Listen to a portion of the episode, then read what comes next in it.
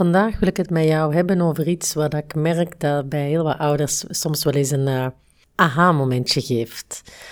Namelijk als ze zich realiseren dat onze kinderen, dat hun kinderen de regels die je gebruikt of die je wilt dat ze volgen, dat ze die niet leuk moeten vinden. Want als je gaat wachten tot een kind een, een regel of iets wat je vraagt leuk gaat vinden, dan gaat er waarschijnlijk heel lang moeten wachten. Want er is namelijk helemaal niks leuks aan tandenpoetsen. Er is niks leuks aan stoppen met tv kijken. Of er is eigenlijk ook echt voor veel kinderen niet veel leuks aan het opruimen.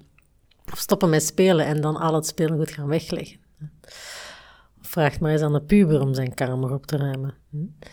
Nu, waarom wilde dan dat je je kind dat doet?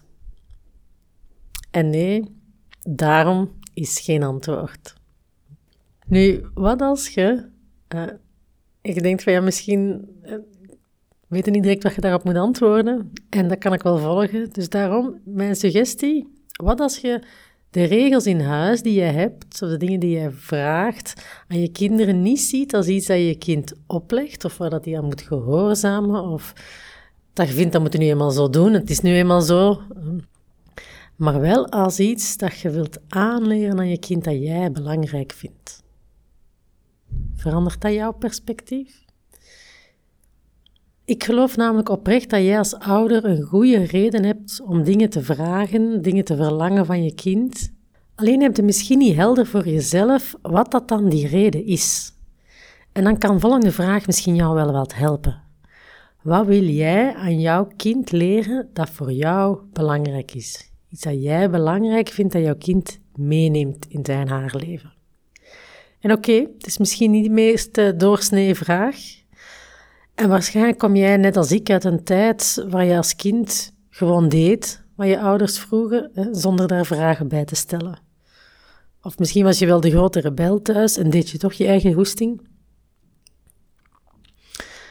Nu, wat is het nadeel daarvan, van het gewoon opvolgen dat je zelf als kind gedaan hebt? Want dan waren de, de brave, de flinke, de lieve, wat dan ook. Het nadeel daarvan is dat je ook zelf niet gewoon bent om die vraag aan jezelf te stellen.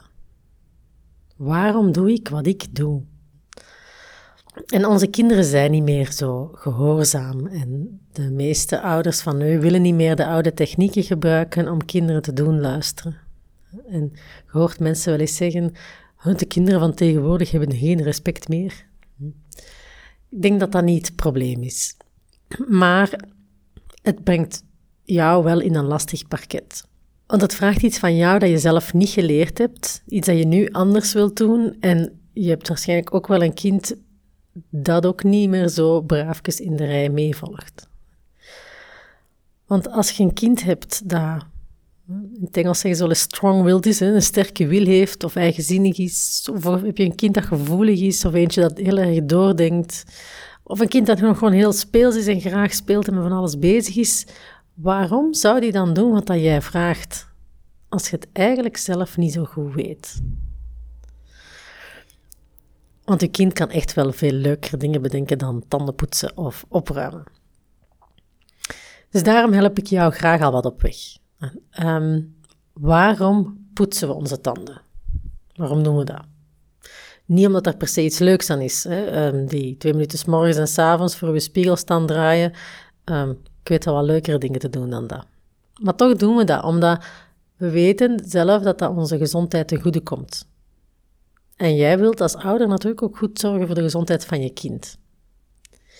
Dus dat is je achterliggende reden, niet zozeer om je kind te koeieneren of te ambeteren, wat heel vaak onze kinderen zo wel ervaren.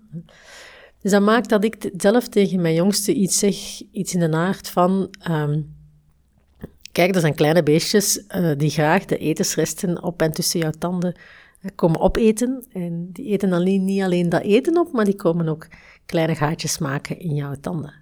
En die gaatjes kunnen dan pijn beginnen doen of je kunnen je tandjes minder sterk maken. En die tandjes hebben we echt wel nodig om lekkere dingen te kunnen eten. Nu, die uitleg klopt niet helemaal. Hè? Maar ik vind het wel als mama belangrijk dat haar tandjes gezond zijn. En ik wil dat en gezond blijven. En, en dat wil ik een stuk ook aan haar overbrengen. En dat ik zelf als mama daar ook voor mee wil zorgen. En dat dat ook de reden is waarom dat ik dat zelf doe bij haar. Nu nog meestal, en ze is nu zes. Omdat dat niet zo gemakkelijk is en niet te goed makkelijk te zien is waar allemaal etensresten zitten. Dus daar zit bij mij een reden achter en ik deel die dan graag ook met haar. Dat is ook de reden waarom we naar een tandarts gaan. Ik bedoel, ik heb in mijn leven zelf als kind heel veel bij een tandarts gezeten. Er is echt niks tofs aan. En toch doen we dat omdat we weten dat een tandarts veel beter kan kijken en kan zien wat er aan de hand is dan jijzelf. Dus als je weet waarvoor dat, dat is, dan ga je zo van die dingen doen die, die eigenlijk totaal niet leuk zijn, maar die wel renderen op lange termijn. En dat is nu iets dat onze kinderen nog niet kunnen zien, die, die nog geen besef van hebben. Dat weten die gewoon nog niet. Ik ga daarin ook niet uh, overdrijven naar mijn kinderen toe. Uh, ik ga dat echt niet dramatisch maken. Dus als je nu je tanden niet poetst, dan gaan, uh, gaan die zwart worden en gaan die uitvallen. Allee, ik bedoel, dat klopt niet. Dat is ook meer gaan dreigen en gaan proberen te manipuleren. En dat is ook niet de bedoeling van wat ik hier vertel. Want als het effectief echt zo dramatisch was, ja, waarom poetsen we dan geen tien keer per dag? Als het zo gevaarlijk zou zijn. Dus uw reden of dat wat dat je vertelt of wat dat je voor jezelf ziet, moet wel in verhouding zijn met wat dat je doet. Um, niet om je kind te proberen te overtuigen of te manipuleren. Het is nog altijd niet de bedoeling dat je kind die regel moet hij nog altijd niet leuk vinden. Het is niet omdat ik dat vertel aan mijn, aan mijn dochter, dat mijn dochter nu staat te springen om haar tandjes te poetsen. Nee, dat niet. Maar ze krijgt wel iets mee van wat ik belangrijk vind, in de hoop dat, dat ze dat ook gaat blijven doen later als ik er niet meer bij ben, dat ze zelf haar tanden poetst, dat er uh, zinnige ideeën rond zijn, die ik haar graag meegeef. Maar bovendien dat ik dat dus ook niet doe om haar met opzet te koeioneren. Want zo komt dat dan wel vaak onbewust over bij kinderen. Ze zijn zelf iets leuks aan het doen. Ze zijn tv aan het kijken, ze zijn aan het spelen en ineens vraag je iets om te doen wat dat eigenlijk echt niet leuk is. Je vraagt om ze te doen stoppen met iets dat ze leuk vinden en dan moeten ze bovendien ook nog iets anders gaan doen dat ze eigenlijk niet tof vinden. Als je nog een voorbeeld wilt, hè, voor, um, dan kom ik nog bij een, een, tweede stuk dat ik daarin belangrijk vind. Maar om nog een voorbeeldje te geven van wat zijn redenen waarom dat je wilt dat je kind opruimt. Een van de redenen die kunnen bijvoorbeeld zijn, je vindt bijvoorbeeld eh, respectvol omgaan met eh, speelgoed of met spullen, vind je van belang. In wat uitziet dat, wat is dat dan concreet? Ja, als je, als je niet opruimt, dan gaan je spullen gemakkelijker verloren, gaan die gemakkelijker kwijt. En het helpt om je spullen terug te vinden als je die op een vaste plaats legt, of op zijn minst ergens legt waar dat je ze kunt vinden. En, en dan moet je ook minder lang zoeken als je iets nodig hebt. Of je vindt het zelf als ouder, uh, allee, ik vind het zelf echt niet tof als ik per ongeluk op een Lego-blokje ga staan met mijn blote voeten, want dat doet echt wel heel veel zeer. En dat wil ik niet. En dat zeg ik dan ook zo. Niet om haar te intimideren of wat het dan ook te doen, hè. daar gaat het niet om. Dan zijn we op een ander, dat, dat is niet de manier waarop ik wil communiceren met mijn kinderen. Omdat mijn intentie niet is om haar te gaan overtuigen van mijn gelijk of van mijn standpunt. Ik ga het alleen wel meedelen. Dus ik kan ook niet overdrijven of, of uh, haar een, weet een slecht gevoel geven. Maar ik ga wel zeggen waarom dat ik dingen belangrijk vind. Uh, bijvoorbeeld ook als speelgoed op de grond ligt, ja, dan is de kans gewoon groot dat je erop gaat stappen. En als je op iets opstaat, is de kans wel heel groot dat het kapot gaat. En dat wil ik niet. Hm. Of als je dingen op de grond laat liggen, dan worden ze sneller vuil. En dat wil ik bijvoorbeeld ook niet. Of, um, ja, en zo kan ik maar doorgaan. Dus Neem eens de tijd voor die dingen die je zo vaak vraagt aan je kind en waar je kind heel vaak op tegenstribbelt, om eens voor jezelf na te gaan, ja, maar waarom vind ik dit nu zo belangrijk? Waarom wil ik dit nu dat mijn kind dit doet? En om dan de perspectiefswitch te maken van, wat wil ik eigenlijk aanleren aan mijn kind?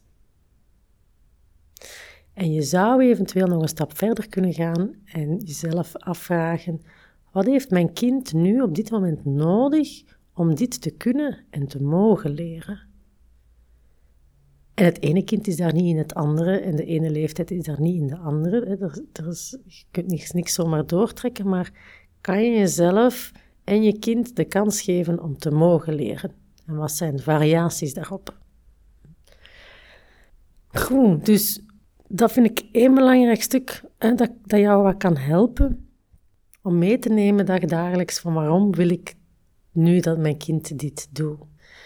En waarom heb ik, ben ik begonnen met te zeggen van kinderen hoeven onze regels niet leuk te vinden? Is ook, heeft ook te maken dat heel wat ouders, en vooral mama's, zo onbewust het gevoel hebben dat ze maar pas goed bezig zijn als hun kindjes heel braaf ja zeggen en het leuk vinden en dit en dat. Alsof als ze nee zeggen of tegenstribbelen, alsof dat, dat bijna een um, persoonlijk tegen hun gericht is. Als dat, als dat die nee een, een nee is tegen hun als mama. Terwijl dat is niet. Een kind zegt gewoon nee op iets wat dat hij niet leuk vindt. En dat heeft eigenlijk in C niks met jou te maken als mama.